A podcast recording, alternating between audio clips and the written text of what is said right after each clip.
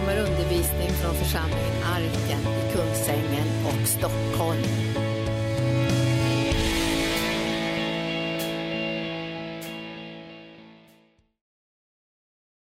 Han tronar ju, står det i Bibeln, Jesus tronar och Fadern tronar på Israels lovsånger. Så tronen som Gud har byggt i den här världen är lovsång och tillbedjan. Och utifrån den tillbedjan kan Gud verka i våra liv. Och det är skönt att kunna komma samman så här och få hjälp i lovsången, särskilt om man går igenom prövningar och är attackerad av sjukdomar, kanske svåra omständigheter. Att få ha lovsången i sitt hjärta. Så att man kan tala i lovsånger och andliga visor. Att de ord man sen talar bärs av lovsången och har lovsångens klang. Så välkomna ikväll. Finns det någon som är första gången på arken som aldrig varit här? Tack Jesus. Det gläder. Var kommer du ifrån? Var kommer du från? Från Uppsala. Och du kommer från Västerås. Och du kommer från Uppsala, Västerås. Känner jättevälkomna. Vi har, brukar ju komma till Uppsala regelbundet, men nu ska vi komma till Västerås snart också tror jag. Eller hur? Det kommer att bli trevligt. Många fina församlingar i Västerås. Jag är lite ringrostig i rösten, men inte så farligt. Och lite sådär äh, tidsskillnaden, för jag kom ju hem häromdagen från Nepal och Indien, så jag var sista delen av resan var i Nepal och sen så gjorde vi en genomresa genom Indien. Så vi har varit på båda platserna. Vi har varit ute i ja, tio dagar kanske, något sånt där. Och det andra teamet var ute lite längre. Men vi har fantastiska dagar i Indien och Nepal och jag har undervisat flera hundra pastorer. Och det är härligt, flera hundra pastorer. Det var väl 150 i Indien och drygt 150 också i Nepal. Och de pastorerna kommer från Alltså i Indien kommer de kom de mest från Kolkata-området. Men i Nepal så kommer de både från Tibet, Bhutan och en del kommer också från Mongoliet. Så vi når ju otroligt långt in i, ska säga, i områden där evangelium inte har blivit predikat. Och nu är det ju så här att det, lagarna både i Indien och Nepal, liksom, de har blivit hårdare. Och de har ju slagit som ett grepp runt de kristna för att ge utrymme enbart för buddhismen och hinduismen. Så det är ganska långa fängelsestraff då för pastorer och ledare som förkunnar med frimodighet evangelium. Och det är väldigt underbart att möta ledare som är beredda att lägga ner sina liv för Jesus. Alltså det är någonting som rör mitt hjärta. De är inte rädda för fem år i fängelse eller tortyr eller något sånt där. Utan de är beredda att lägga ner sina liv för Jesus. Och det är någonting i de här människornas liv. När man möter dem så känner man att det är en väldoft på något sätt där. Som gör att man blir berörd. Och man känner också hur bra vi har i Sverige. Nu, nu är det ju ganska smal åsiktskorridor här också. Och många vågar inte berätta att de älskar Jesus. Och många vågar inte säga heller vad ordet säger. Men jag tror här behöver vi inte hamna i fängelse, vi blir inte torterade. Så vi lever ännu i ett land där vi behöver vara frimodiga och oförfärade när det gäller evangelium. Får jag ett amen på det? Amen.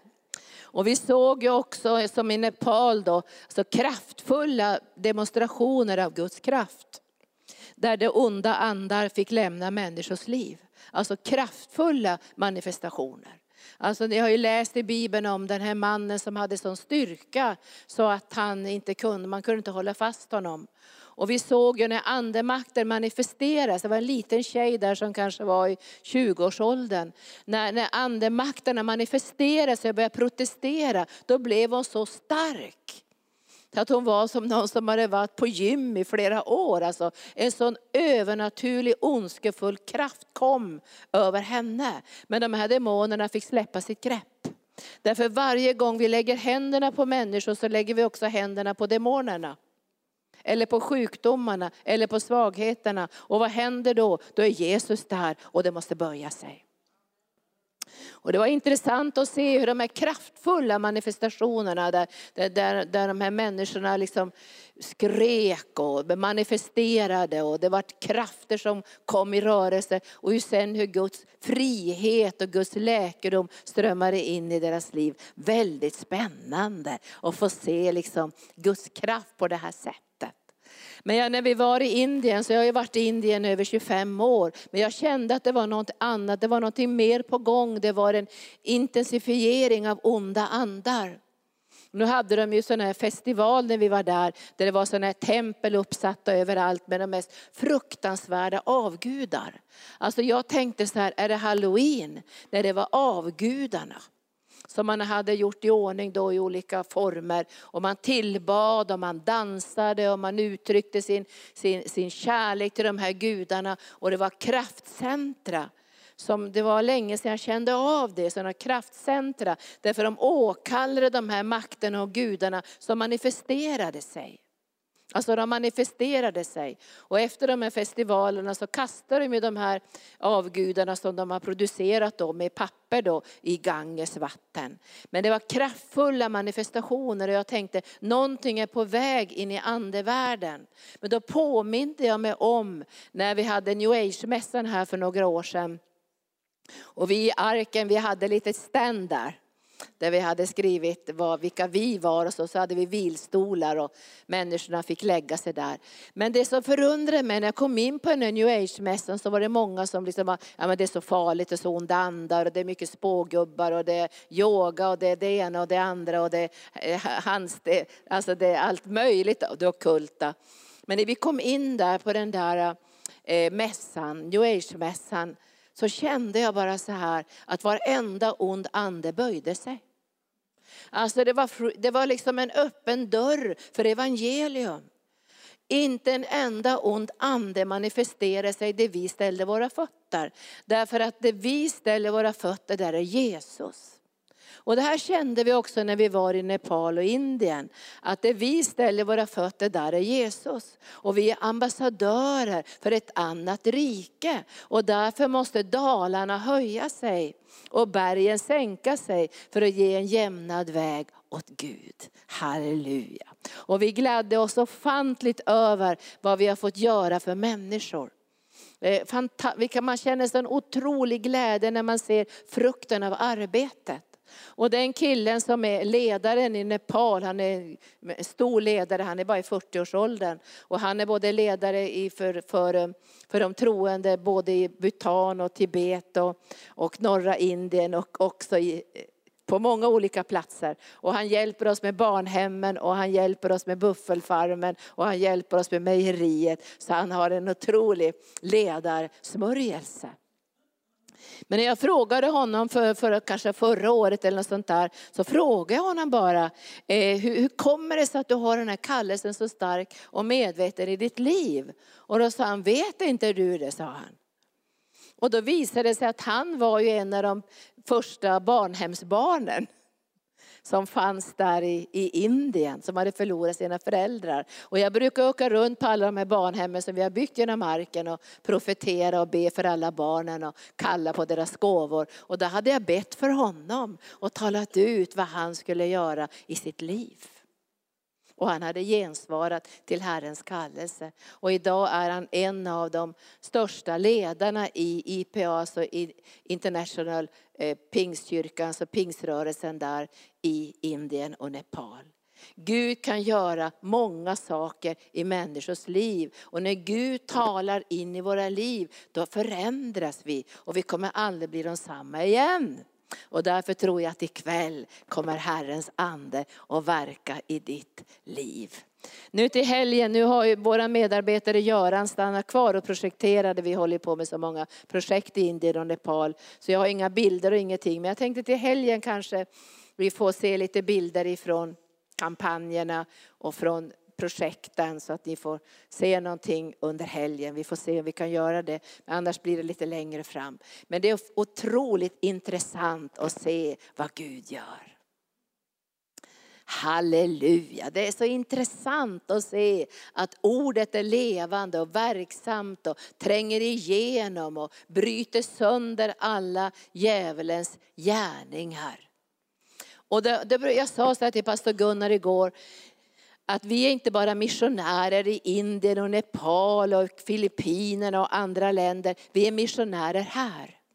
Och jag märker ju ibland att när människor följer med mig på team och så här, då förändras de när de är ute i andra länder. Men jag känner att jag är lika mycket missionär här som jag är där. Alltså det är samma sak. Vi är missionärer här, utsända av Gud. Och vi är missionärer i andra länder också. Och vi behöver bete oss som missionärer i Sverige. Gud ska inte behöva skicka liksom folk från Etiopien och från, från Tanzania och från andra länder och komma hit och vara missionärer. Vi är missionärer i vårt eget land. Visst är det så? När du ser dig som missionär, då förändras du också i ditt sätt att leva och förhålla dig till saker. För när man kommer till Indien och Nepal, då, då accepterar man att leva enkelt. Man accepterar att ligga på, som jag brukar när jag kommer till Filippinerna, ligger jag på någon vattentank högst upp där med kackerlackor och, och smuts och en toalett på hela ön eller vad det är. Då accepterar man det, där ligger man på vattentanken. Och kackerlackorna är så stora som, nästan som, inte som katter men som råttor i alla fall. Då accepterar man det. Men när man kommer hem då ska allting vara på ett helt annat sätt. Jag tror vi behöver tänka, liksom, vi är missionärer sända av Gud för att förkunna evangelium och vi har vårt medborgarskap i himlen där vi väntar Herren på himmelens skyar. Kan jag få ett halleluja? Tack Jesus. Så då ska vi gå in i förkunnelsen ikväll och, och se vad Herren säger. Och vi ska börja läsa från Hebreerbrevet. Och jag ska läsa där vad, vad, vad författaren till Hebreerbrevet säger när det gäller Jesus. Och vårt samarbete med Jesus. Vi ber ju väldigt mycket över att vi ska få större kärlek till Guds ord. Var ni här när Rodney Howard Brown var här? Visst hade vi ett härligt möte här? Alltså jag gillar ju honom jättemycket. Och det jag tycker om med Rodney Howard Brown det är att, att den heliga anden, när han predikar om den heliga anden så är det inte bara för att få en upplevelse. Det tror man ibland att Rodney Howard Brown, då ska alla bara skratta och så ska vi rulla runt lite på golvet och, och sen är allt som vanligt. Sånt ställer inte jag upp på. Utan när, när evangelium förkunnas som Rodney gjorde när han var här då, för, förra måndagen var det väl, då förra måndagen. Så var det för att vi skulle rustas för att vinna själar. Så när vi får ett möte med Gud och blir omskakade och druckna eller skrattar eller rullar på golvet eller vi får manifestationer så finns det ett syfte från Gud i att han berör oss. Alltså han löser oss först och främst från människofruktan. För då har vi redan skämt ut oss, eller hur? På ett sätt. va inför människor, inte inför Gud. Men om du rullar här på golvet och aldrig gjort det förut och du har liksom din man med eller din farmor med, plötsligt börjar du rulla så tänker de kling klock, kling klock. Då har du redan skämt ut det, eller hur? Eller du gråter så mascaran rinner eller du springer runt här och viftar med en flagga och säger, men vad håller de på med? Alltså när Guds ande berör oss och lösgör han oss från människofruktan också. Alltså det händer något i våra liv. För man väl kommit ut ur den här lådan av självbehärskning, kanske på ett felaktigt sätt, eller den här rädslan att göra bort sig, så är man som löst också på insidan. Och jag tror Gud är ute efter det. För det är inte bara upplevelsen i sig utan det finns ett syfte. Och jag tyckte han predikade så bra det här, när Gud berör oss, smörjer oss och fyller oss, så är det för att vi ska föra ut evangelium och människor ska bli frälsta.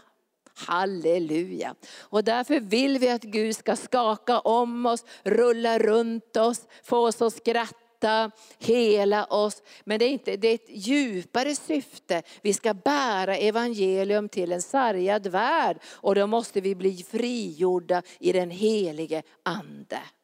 För om vi är fulla med människofruktan och rädsla och begränsningar och dåligt självförtroende, då är det jättesvårt att predika evangelium på arbetsplatsen eller dela sitt vittnesbörd. Och då tvekar man. Men har man ändå blivit frigjord och lös så ligger det nära till hands att säga, jag älskar Jesus, han har förvandlat mitt liv. Halleluja. Så om Herren vill röra vid dig ikväll och du råkar rulla lite här framme så kommer vi inte att stoppa dig. Vi kommer inte säga så skäm inte ut det här nu, utan du får ligga här och beröras av Guds ande. För det finns ett djupare syfte och det kanske inte ens vi känner till ikväll, men Gud vet vad han gör i ditt liv. Vill du gråta ikväll ska du gråta. Därför då kanske Gud gör ett djupt verk och berör någonting i ditt liv. Och jag såg ju det här på pastorer också som har lidit så fruktansvärt mycket att när vi la händerna på dem så rörde vi vid smärta och sorg. Och det manifesterade sig och de fick ut det här från sina liv och fick bli fyllda med den heliga ande. Vi vet inte alltid vad människor bär på för någonting, men när vi lägger händerna på dem så är det Jesus som är där och berör någonting i en människas liv. Och berör han dig ikväll så du börjar gråta, släpp fram det. Berör han dig ikväll så du börjar skratta, släpp fram det. Skaka han dig lite ikväll, låt han skaka dig. Och känner du ikväll att han rycker upp någonting, men låt honom rycka upp det. För då har han ett syfte att frigöra dig för att du ska kunna vara hans kanal för hans kärlek i den här världen. Visst predikar jag bra, jag har inte börjat än. Tack Jesus. Men vi verkligen önskar att det ska få vara frihet. Och vi följer inte kyrkårets texter, tack och lov. Pastor Gunnar sa att vi ska aldrig följa kyrkårets texter. Därför är det någon gammal prelat som har satt upp några texter som inte ens täcker Bibeln. Förstår du?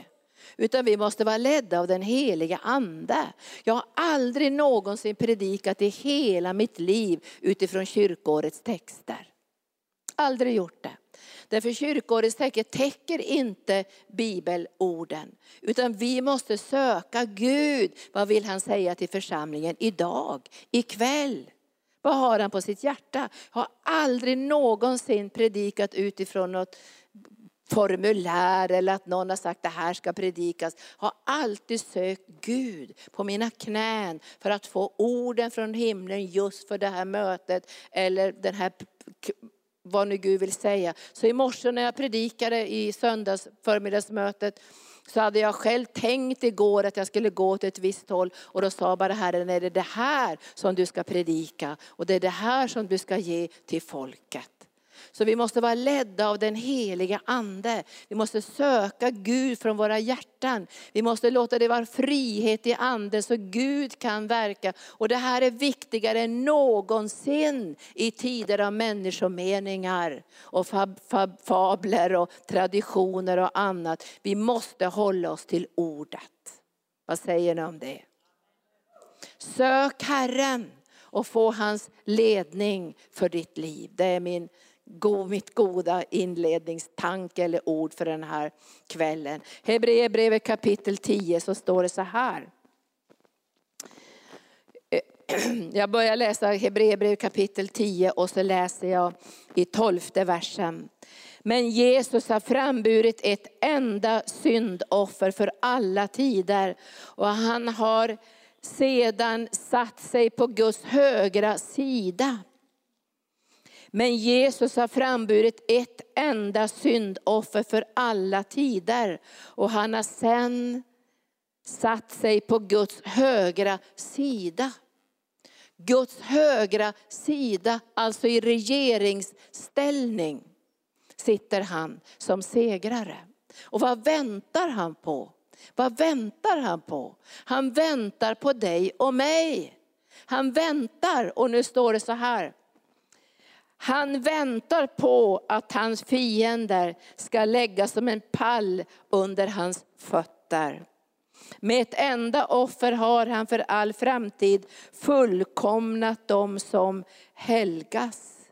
Han har för all framtid fullkomnat dem som helgas. Och medan du och jag helgas och intar mer och mer och mer av Guds löften, så är vi samtidigt fullkomliga i hans ögon. Är inte märkligt det? Vi är rättfärdiggjorda. Allting är klart från Guds sida, men han vill att vi ska inta mer och mer och mer av allting som redan är givet i evangelium. Men vad väntar han på? Han väntar på dig och mig. Han väntar på att få en fotapall. Och vi kanske väntar många gånger på att Gud ska gripa in. Han har redan gripit in. Många gånger väntar vi på Gud, gör någonting, gör någonting. Han har redan gjort allting. Det är fullbordat, det är färdigt. När han dog på korset säger han, det är fullbordat. Varenda demon är redan besegrad. Varenda kraft är redan lagd under hans fötter på korset. Varenda sjukdomsmakt, varenda diagnos Vet du, det finns så många diagnoser i den här världen. Jag vet inte om du är läkare ikväll. Det finns så många diagnoser så vi skulle kunna bli hypokondriska ikväll om vi börjar läsa det. Vi skulle känna igen oss. Ja men har jag inte lite ADHD? Nej men jag har nog lite utmattningssyndrom. Nej jag har nog lite av det här, lite av det här, lite av det här. Därför att det finns igenkännande faktorer som slår in i våra liv. Men alla diagnoser, alla prognoser, alla namn har redan böjt sig på Golgata kors för 2000 år sedan. Det här måste vi se genom Jesu ögon. Vi måste se det här för att vi ska kunna ta den auktoritet som är given till församlingen och ta det som redan är under hans fötter för 2000 år sedan och ge honom en fotapall. Ikväll ska vi ge Jesus en fotapall. Har ni sett en fotapall? Man kan köpa sådana här eh, soffor och, och, och, och, så man kan, ha, man kan ha en fotapall. Vi skulle haft någon, någon sån här ikväll och titta på hur de ser ut. En fåtölj med fotapall sätter man upp foten. Och när man sätter upp foten där på fotapallen, då vilar man, eller hur? Man vilar. Det är viktigt när jag säger ikväll, man vilar. Jag har aldrig sett någon ha en fotapall och varit jättenervös. Utan då man lägger sig till rätta i fåtöljen och så lägger man upp fötterna på fotapallen. Därför man tänker, här kan jag vila mina fötter. Och Jesus längtar efter att vi ska lägga allt under hans fötter så att han får en fotapall. Så att hans seger blir manifesterad i den här världen. Det måste bli manifesterat i den här världen. När jag jobbade i Svenska kyrkan, och det har ju Gunnar gjort också i 13 år i Lutherska kyrkan, så slog det mig många gånger att predikan inte följdes av en manifestation. Alltså man kunde predika lite grann så här om befrielse. Men man manifesterade aldrig så att man sa, kom fram nu alla ni som är bundna så ska vi lägga händerna på er till frihet. Det här slog mig efter några år att varför gör vi inte det? För vi har ju predikat nu och sagt så här att, att det finns en, vi läste vissa texter så här då, men det var mest på låtsas. Upplevde jag, det var på låtsas. Därför man erbjöd aldrig manifestationen. Att nu ska vi lägga händerna på er och ni ska få den här friheten. Ibland kunde vi eh, också kanske predika om att man kunde bli fylld av den heliga ande och sådana här texter. För de fanns ju i kyrkårets texter ibland.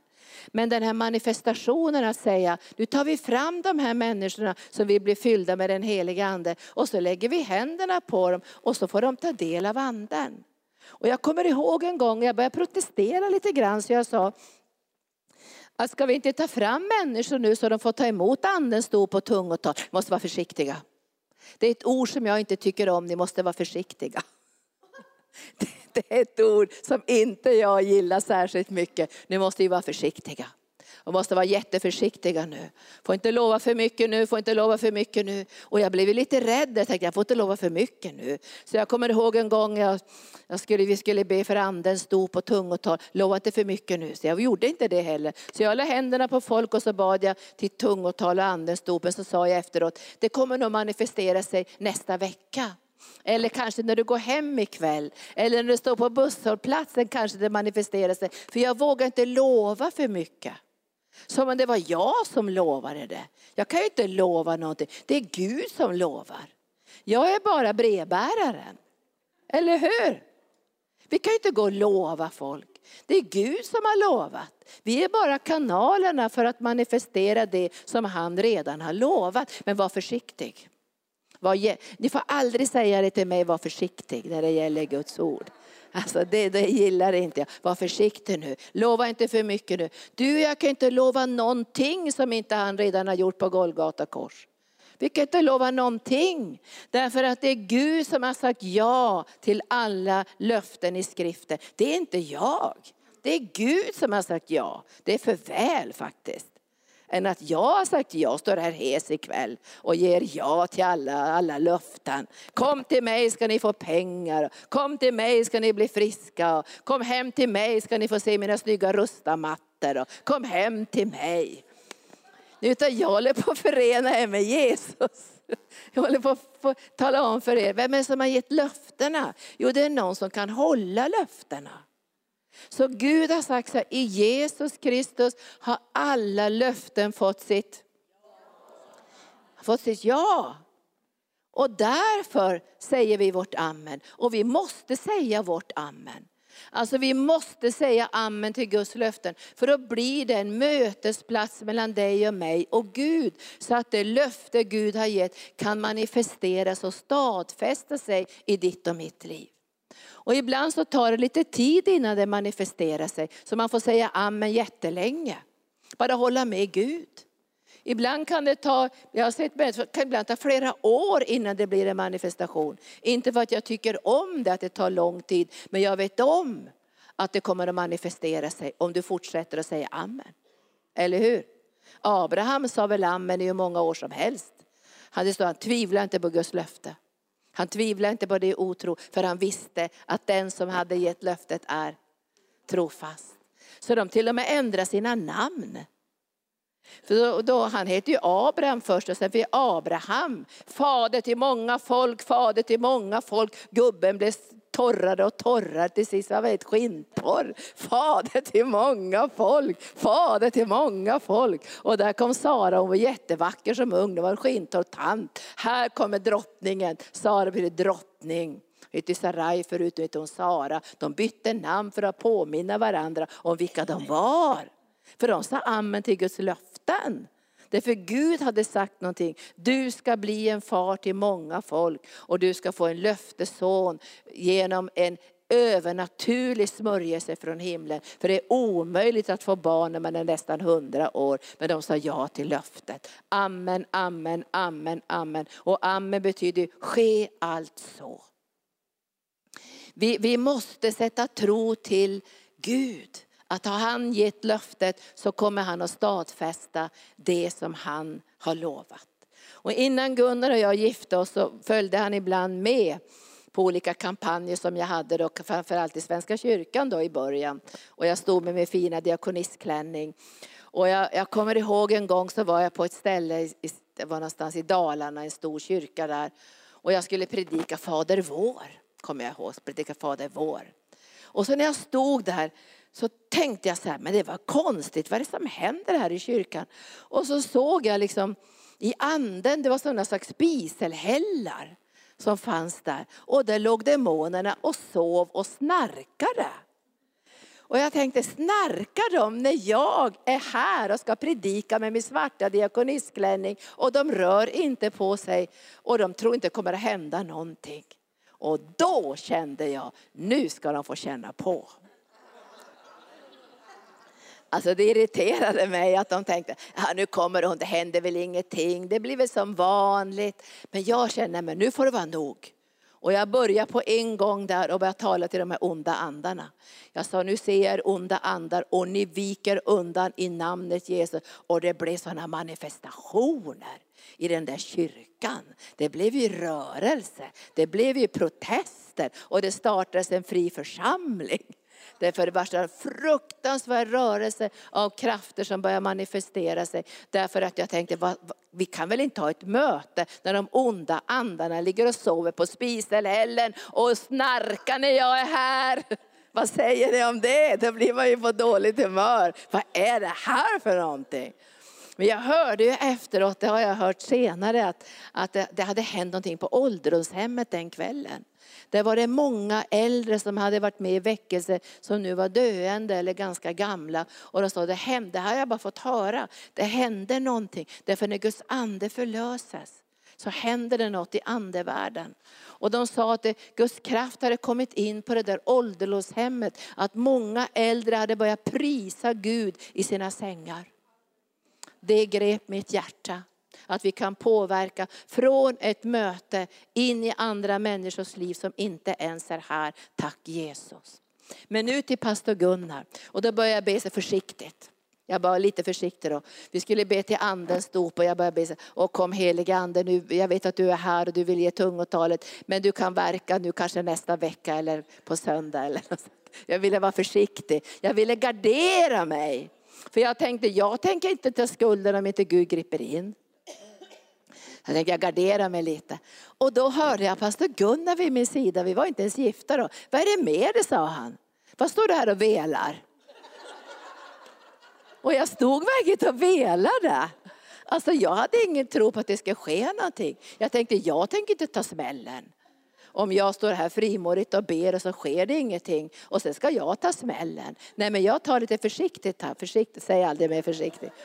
Men i alla fall så sa han, vad står det här och väl? Sa, Tro på det du ber, sa han. Tro på att Gud griper in när du ber.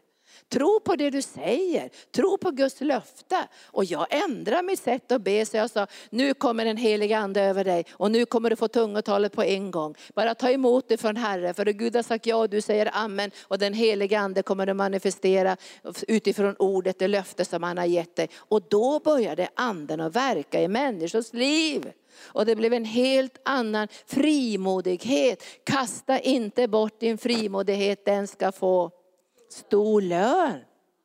Så det, här, det har hänt någonting för 2000 år sedan. Vi är tillbaka till det. det har hänt någonting. Har det inte hänt någonting då är det bara på låtsas allting. Men nu går vi ju in i den här verkligheten mer och mer.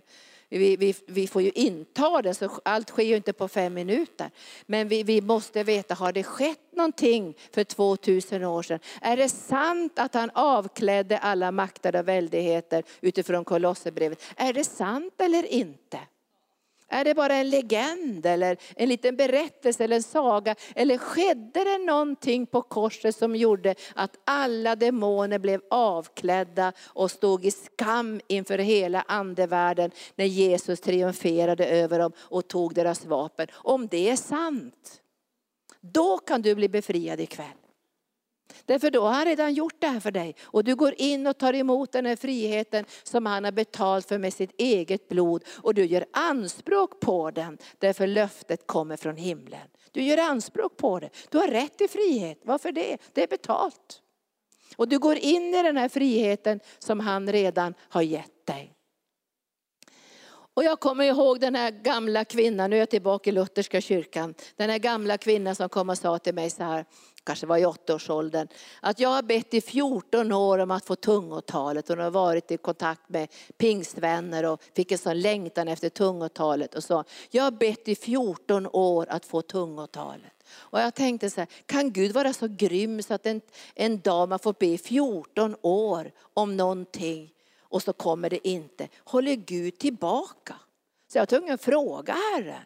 Vad är, det som, vad, vad, vad är det som har hänt? Är det något som har hindrat henne? Vad är det som har gjort att hon inte har fått det här som hon har bett för?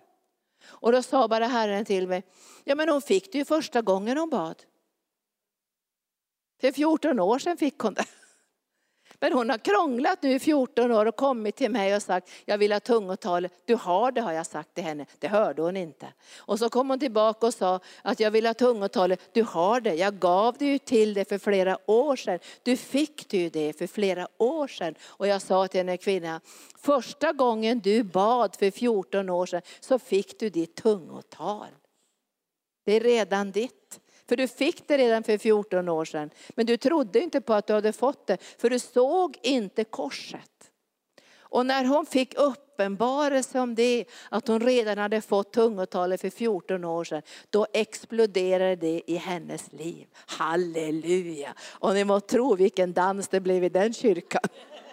Jag tänkte nu bryter hon säkert höften, höften också. Hon dansade och hon hoppade och hon jublade för hon fick en uppenbarelse att det redan var färdigt för 2000 år sedan. Och jag känner, det här är en nyckel till att du och jag kan lägga fienderna under hans fötter som en fotapall. Han väntar på det. Han väntar på att du och jag ska inta vår plats i anden och utföra det som redan är stadfäst och färdigt för 2000 år sedan. Han väntar.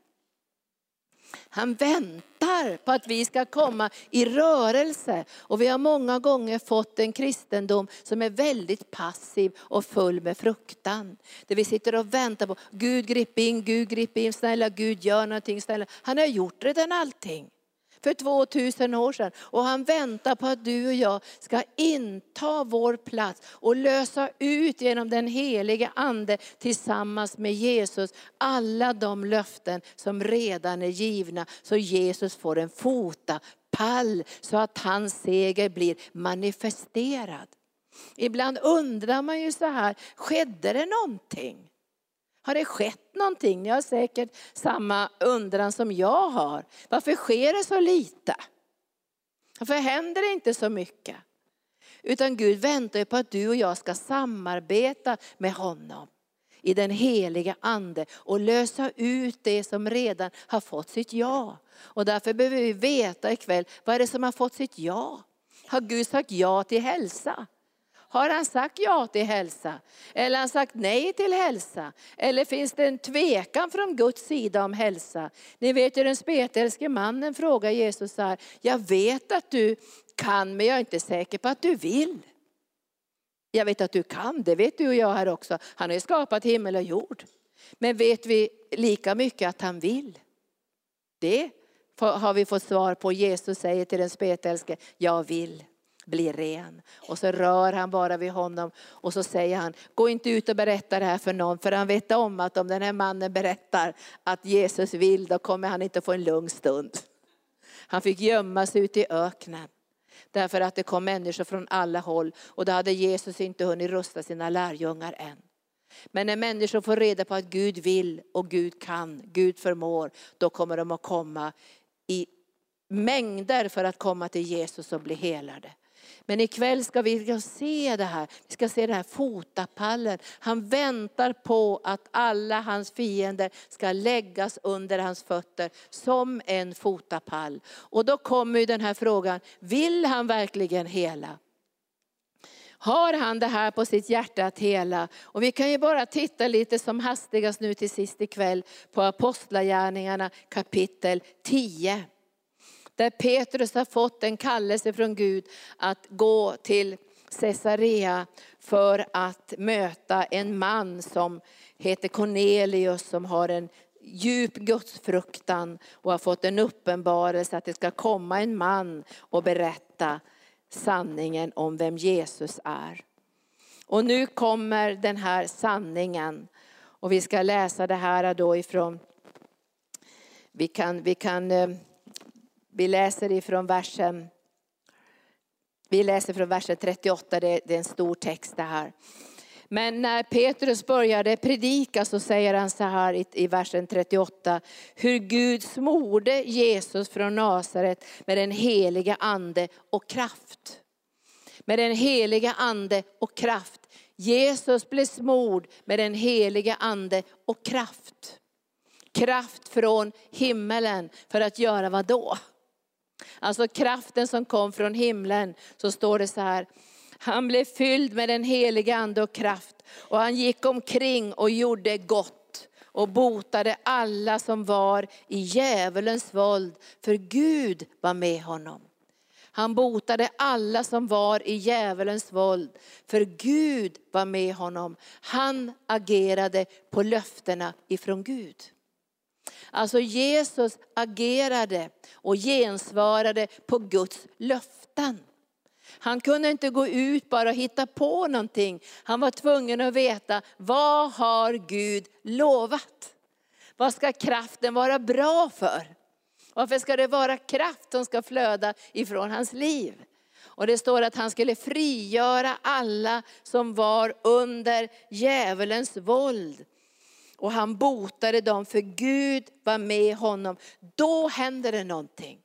Alltså det som händer här i Cornelius griper mitt hjärta.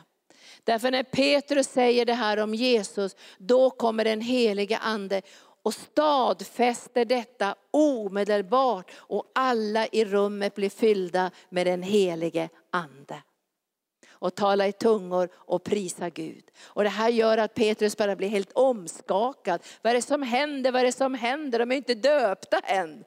Och så har de blivit fyllda med den heliga ande. Men anden längtar så att stadfästa ordet. Anden längtar så efter att vi verkligen ska veta vem Jesus är och vad han har gjort för mänskligheten. Så att vi får alltså en frimodighet att gå fram till nådens tron och få hjälp i rätt tid. Och ikväll är rätt tid. Ikväll är rätt tid. Ikväll är Jesus här. Tack Jesus. Och därför när vi lägger händerna på er ikväll så är det en, en troshandling som vi gör. Alltså vi gör en troshandling där vi säger, vi vet att det här är sant Jesus. Du har vunnit seger för 2000 år sedan. Och när vi lägger händerna på människor den här kvällen, på dig den här kvällen, så lägger vi handen just på det område där mörkrets makter har attackerat. Där lägger vi handen. För att varje kraft och makt måste erkänna sig besegrad. Inte för att vi skriker när vi ber eller att vi är särskilt högljudda eller ber på något särskilt sätt, utan på grund av korset. Därför att allt det här har redan böjt sig för 2000 år sedan och därför tar vi auktoriteten och löser ut det här ikväll. Och det står ju i Matteus kapitel 16, och det här när jag predikar för, för pastorer i Nepal och Indien, så hade de aldrig tänkt på det här sättet. Att de hade fått Guds nycklar, himmelrikets nycklar. Vi kan inte lösa ut någonting som inte är löst redan. Vi kan inte hitta på någon slags grej bara för att vi tycker det här är spännande. Utan vi måste veta, vad har Gud löst i himlen? Vad är det som är löst? Har Gud löst någonting med himlen, i himlen? För då måste du och jag veta vad är det vi löser för någonting. Är det löst i himlen? Och då måste vi veta, är helandet löst? Är befrielsen löst? Är läkedomen löst? Är upprättelsen löst? Är det löst eller håller Gud tillbaka? Är det löst redan? Och därför står det i Bibeln, det som är löst på jorden är löst i himlen. Alltså när du och jag samarbetar med Gud i tro och löser ut helande in i våra egna liv eller i andras liv, så står himlen bakom för att manifestera. Vi kan inte manifestera helande, men vi kan sätta tro till Guds löften och till det som är löst i himlen. Och så kan Gud samverka med din och min tro och förtröstan på Guds löften. Och så sker det mirakel i våra liv. Och ikväll ska Herren verka på ett underbart sätt. Vi måste veta, vad är det som är bundet i himlen? Vad är det Gud har bundit för någonting? Han har bundit den starke, det vet vi. Han har bundit demonerna. Han har bundit krafter som verkar, syndens makter och köttets krafter. De har han bundit. Och han väntar på att någon ska samarbeta med honom och göra det här till en verklighet. Jag har varit med på många möten där man har predikat om frälsning, men man har aldrig erbjudit frälsning. För man har aldrig trott att det skulle kunna bli en verklighet eller skarpt läge. Det är liksom på låtsas. Ibland behöver man komma ut till andra länder för att se att det här är på riktigt. Alltså man behöver komma ut ifrån den där hemmablindheten och se befrielse är på riktigt. Helande är på riktigt. Därför Gud har gjort någonting för 2000 år sedan som du och jag får samarbeta med för att det som himlen redan har gjort ska bli en verklighet. Och då måste vi tänka, hur går vi tillväga då? Hur gör vi då? Du kanske är här ikväll som har en sjukdom i din kropp. Du kanske har svaghet i din kropp. Du kanske har en bundenhet i din själ. Du kanske har fått en diagnos. De kanske har sagt så här, ADHD, det stämmer på dig. Eller så har du fått en annan diagnos kanske. Vad ska vi säga, artros kanske, eller prediabetes. Eller så kanske du har fått, vad finns det mer för diagnoser? Fibromyalgi. Du kanske har fått en diagnos att du har förlorat hörseln på högra örat. Eller du har fått en diagnos och läkaren har bekräftat det här, det här är sant alltså. Och då ska du inte förneka det. När jag har inte dålig hörsel, när jag har inte ont i magen, när jag, jag har inte det här och inte det här. Det förnekar vi inte, får aldrig förneka det. För då ljuger vi ju, eller hur? Alltså Abraham sa ju inte så, jag är ung, jag är 22 år, jag är 22, jag är 22, jag är 22, nej hjälp, jag är ju 92. Min kropp är ung och fräsch och jag kan ha sex fortfarande. Han kunde väl inte, om han kunde ha sex när han var nästan 100 år, det var ju tvungen att ha på något sätt. Så det var väl också övernaturligt. Men att hon skulle kunna föda det här barnet skinntorr, det tycker jag är häftigt. Eller vad säger ni? Alltså hon fick kraft att föda. Det Sara fick kraft att föda genom den heliga ande. Tänk er bara skinntorra höfter. Och få ut ett foster, ett barn. Alltså jag tycker det är bara ett mirakel allt det. Hon gick inte och sa, åh jag är 22, jag är 22, halleluja, halleluja. Alltså, gå stängda ögon här. Utan det, det betyder att man går och ljuger då. Utan man måste kunna se hur saker är. Nu tror ju inte jag på alla diagnoser, jag tror att de säger saker och de kommer att ändra på så här. Men de kanske ändå samstämmer vid vissa symptom i din kropp och själ och så får du en diagnos. Vad gör du med den diagnosen? Ska den styra dig?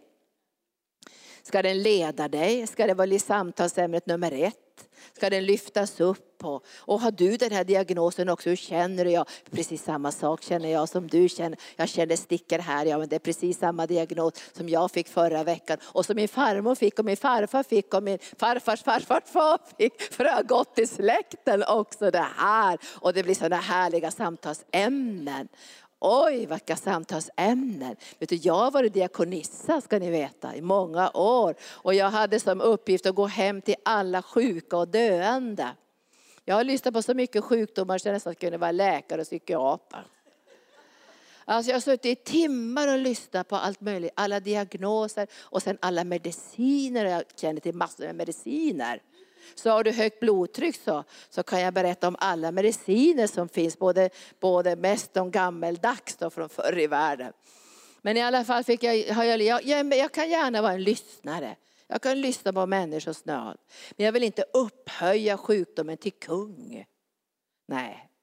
Och jag minns att jag sa så här till någon så här, jag lyssnade gärna en timme, jag hade kanske en timme på varje ställe, en timme och en kvart eller något sånt där. Och jag sa, jag kan gärna lyssna en timme på alla sjukdomar, alla diagnoser, alla mediciner. Men får jag sen ge fem minuter och berätta om vem Jesus är? Får jag fem minuter? Det, det var inte vanligt att jag fick det. För att om jag sa någonting om Jesus så kunde de ringa till kyrkoherden och klaga att nu har den här diakonissan varit här och sagt någonting om Jesus och jag har inte fått ta min sjukdom i fred. Hon har sagt att den här sjukdomen kan botas. Och då blir de lite arg på mig. Du får inte lova för mycket. Men har jag lovat för mycket om Gud har lovat? Nu måste vi ta steg nummer ett då. Alltså vi har någonting i vår kropp. Hur förhåller vi oss till det? Vad gör vi med det? Vi måste ta ansvaret och böja det under Jesus. Och när vi böjer det under Jesus, då ger vi utrymme för Jesus att verka i våra liv. Det är inte säkert att du blir helad på en gång. Inte säkert. Men du ger utrymme för Jesus. Och hans kraft är starkare än sjukdomens makt i din kropp. Och jag ska säga det, det är många som kommer att få höra i himlen att det här räddade deras liv. Det satte stopp för sjukdomens makt.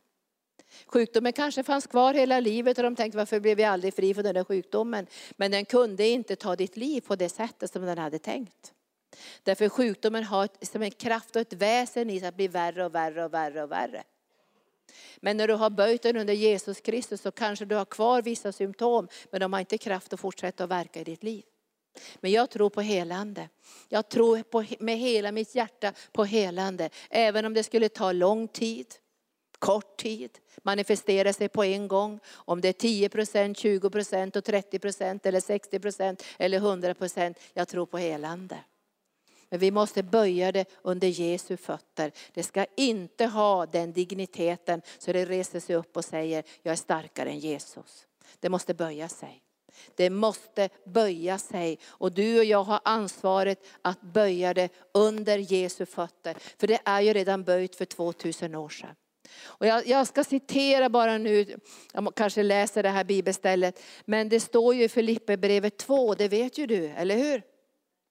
Att alla namn måste böja sig. Alla tungor måste erkänna att Jesus är Herre. Eller hur? Alla knän måste böja sig. Vilka knän då? Sjukdomens knän. Måste böja sig. Och du måste säga till sjukdomen att den ska böja sig. Det är du som måste säga. Vi kommer att säga det ikväll, men du måste säga det. Att den här sjukdomen ska böja sig. Den har inget inflytande längre, den har inget namn som ska resa upp mot Jesus längre. Du ljuger inte att du inte har diabetes, men det ska böja sig. För annars kommer den här sjukdomen att styra dina tankar. Den kommer att styra ditt liv, påverka din framtid. Den kommer att stjäla din framtid också, därför sjukdom har makt. Men Jesus är starkare. Vi kan inte ljuga ikväll här och säga att sjukdomen inte har makt. Jag har sett för många dö. Sjukdom har makt. Och till och med en liten förkylning kan vara på väg att döda dig. Därför att sjukdomen har makt. Men Gud har större makt och du ska lägga sjukdomen under Jesu fötter som en fotapall. Och jag kan se det här i anden, att när du samarbetar med den helige ande och låter Jesus få en fotapall, vems fötter ligger på sjukdomen då? Jesu fötter. Inte mina fötter, inte Anitas fötter, Jesu fötter ligger på sjukdomen. Tack och lov för det. Det är hans fötter. Men du och jag måste agera och lägga det under Jesu fötter. Och sjukdomen måste erkänna att det är Jesus som är Herre. Lyft inte upp diagnoser och prognoser och sjukdomssaker och mediciner så det blir ett samtalsämne. Det måste böja sig i namnet Jesus och ge utrymme för hälsa och liv. Och det här är djävulens liksom sätt att arbeta för att ge kraft till sjukdomar. Alltså vi ger kraft till det. Vi vill inte ge kraft till sjukdomen, vi förnekar inte sjukdomen, men vi ger inte kraft till den. Vi, vi matar den inte med våra känslor och våra tankar. Vi ger inte mat till den, utan vi ger mat till lösningen. Till segern på Golgata kors och maten som Jesus ger genom ordet. Eller hur? Men vi är inte elaka, vi är inte kärlekslösa. För sjukdom är någonting fruktansvärt, men det måste böja sig. Det måste böja sig. Och varför måste det böja sig? Därför att det böjde sig redan på korset. Och då läser jag för dig från Efesierbrevet och så ska vi böja, börja med att böja ikväll. Det ska böja sig. Och varje gång jag böjer sjukdom i mitt eget liv eller i andras liv så säger jag, jag böjer det här för att ge utrymme för Jesus. Jag vill ge utrymme för Jesus. Vill inte du det? Vi vill ge utrymme för Jesus att verka i våra liv. Alltså hans makt måste ju självklart vara starkare än de makter som är verksamma i den här världen. Och då säger Jesus de här fantastiska orden till oss i Efesierbrevet. Det här är sådana starka ord så vi tror knappt på dem. Men vi måste börja tro på det och vi måste börja praktisera det. Och han säger i Efesierbrevet kapitel 1 de här orden. Och så säger han så här då i versen 1 och 20. Han säger så här, ja, jag måste läsa redan tidigare. Och i 19 versen Nej, jag måste läsa tidigare. Jag måste läsa redan från 18 versen.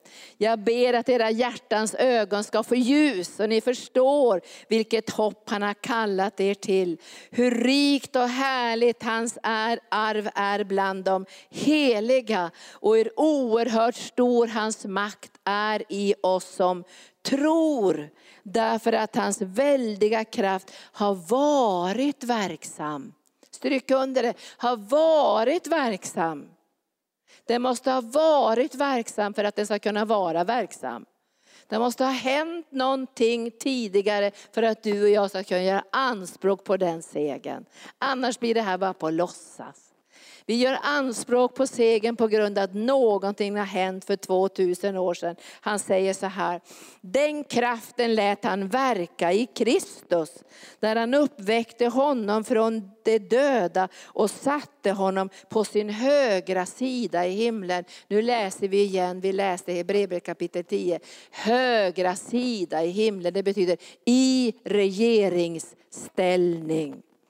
Högt över alla härskare, makter, krafter. Underskatta inte kraften i sjukdomen. Alltså det finns en inneboende kraft i sjukdomarna som är ute efter att förstöra våra liv, bryta sönder våra tankar. Och då tänker jag inte bara på fysisk sjukdom utan psykisk sjukdom. Tänk bara vad en självmordsande kan göra i en människas liv bryta sönder en människas liv. Och det är väldigt många människor idag som söker efter lösningar som har självmordsproblematik och de behöver höra om Jesus som har besegrat varenda självmordsande och fört ljus och kärlek och upprättelse in i den här världen. Och vi ska inte predika en massa sagor. Vi ska ge människor verklig frihet så de slipper komma till buddhismen och taoismen och det ena och det andra. Få självhjälpsmetoder för att bli lösta. Evangelium är svaret för människors problematik makter och krafter och herrar.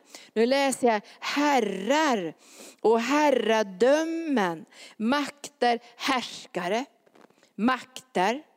Vi läser igen, härskare, det låter som det var väsen, eller hur?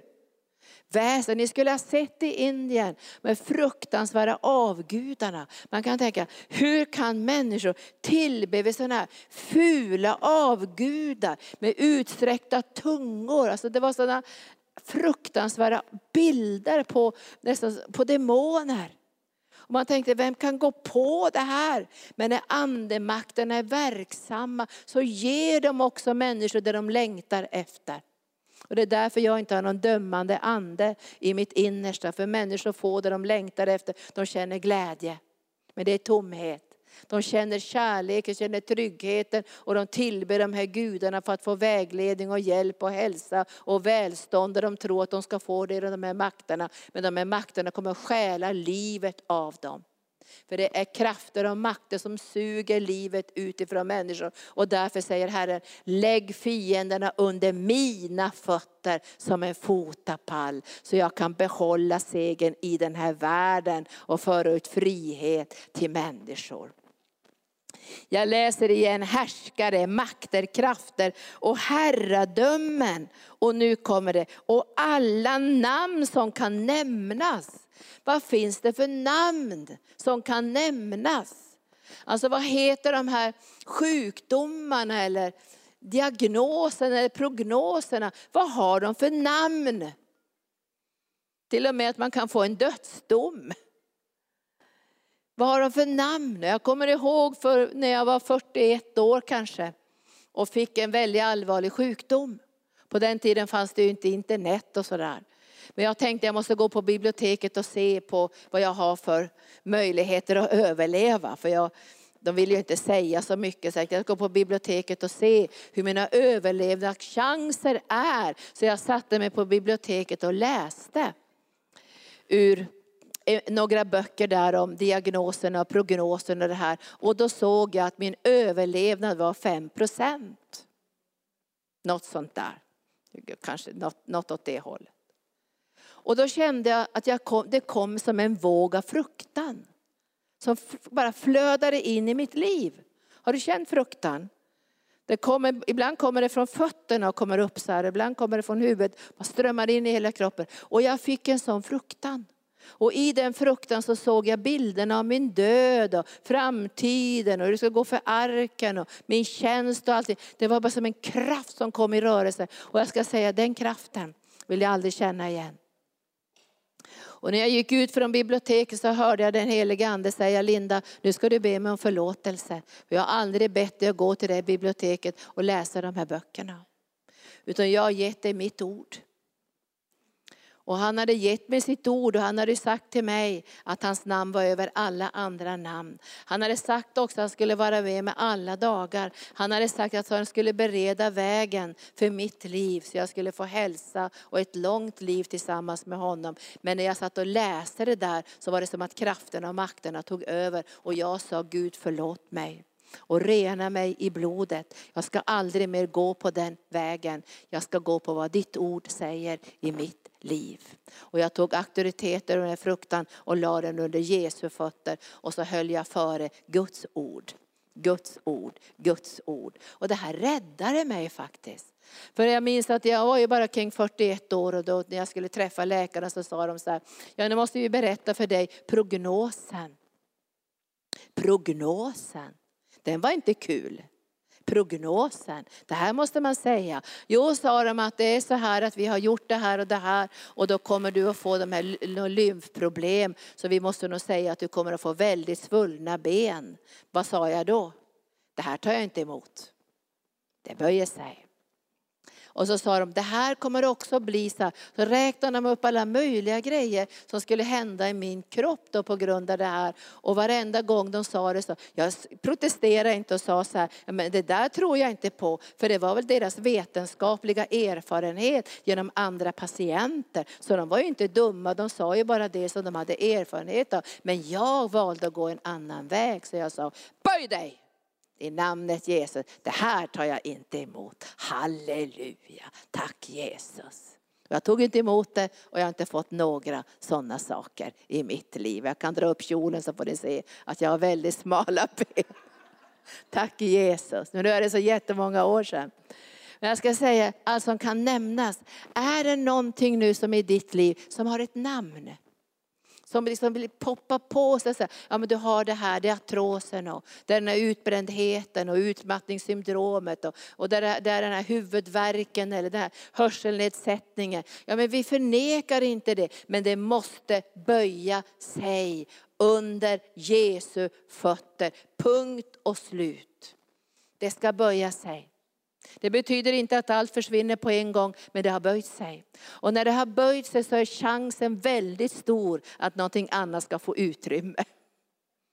Och det är helande och upprättelse och läkedom och seger. Tack Jesus. Visst är det bra det här. Det här är så bra. Det kommer rädda ditt liv. kommer rädda ditt liv. Bli inte imponerad av alla, alla diagnoser och prognoser och allt som sägs. Lyssna gärna på det, men böj det. När du går ut ur sjukhuset, om du måste till sjukhuset, böj det. Det ska inte vara här, det ska vara där. Halleluja. Det här att ta ormar i händerna förstår ni. Vad då ta ormar i händerna? Vem tar ormar i händerna nu för tiden? Ja det gör jag varje dag. Jag tar ormar i händerna. Därför jag vet om att om det här stinger mig. Kommer ni ihåg vad Moses gjorde? Tog en kopparorm, spikade fast den på korset. Den som såg på kopparormen skulle bli vid liv. Det var en symbol på Jesus. Och du måste ta ormarna i händerna. Och ibland är det sådana fruktansvärda giftormar. Där, du har en prognos till döden, bara kanske om några veckor. Men du måste ta den ormen i din hand, trampa den under dina fötter och erkänna Jesu Kristi seger på Golgata kors och ge utrymme för den heliga ande. Det finns ingen annan väg. Vi kan inte gå på någon annan väg. Och även om det här känns jobbigt och svårt och utmanande så är det den väg som Jesus visar genom ordet. Vi måste gå på den vägen.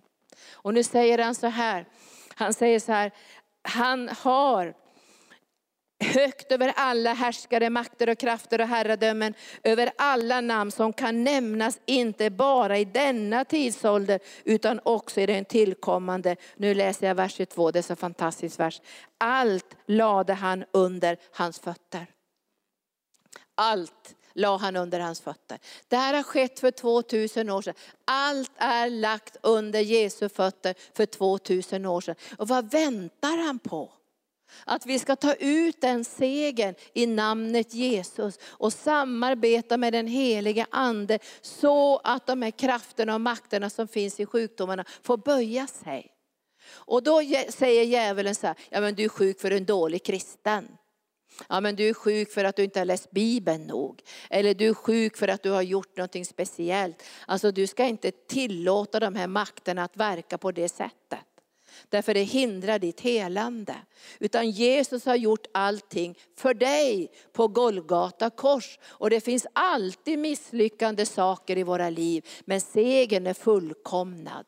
Och vi är rättfärdiggjorda och godkända i Jesu ögon. Och skulle det vara någonting som Gud vill ta itu med ditt och mitt liv, så kommer han att tala till dig och mig med mycket kärlek. Men det finns ingen fördömelse för dem som är i Kristus Jesus. Så gå inte på den konstiga vägen. Utan vi tänker på korset, det har böjt sig. Det har böjt sig för 2000 år sedan och nu ska det få böja sig. Så nu ska vi bara stanna en liten stund och vi ska be lovsångarna komma upp. Och det kanske, ikväll har vi ju ett helande möte. Men det kan ju hända att det är andra saker i ditt liv som har fått makt. Har fått makt att verka. Men ikväll så är det ju framförallt bundenhet, negativa tankar, sjukdomssymptom, sådana här saker som, som verkar i ditt och mitt liv. Det måste böja sig i namnet Jesus.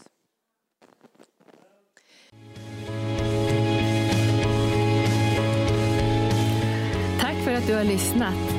Vill du få del av mer information om församlingen Arken, vår helande tjänst, bibelskola och övriga arbete, gå in på www.arken.org.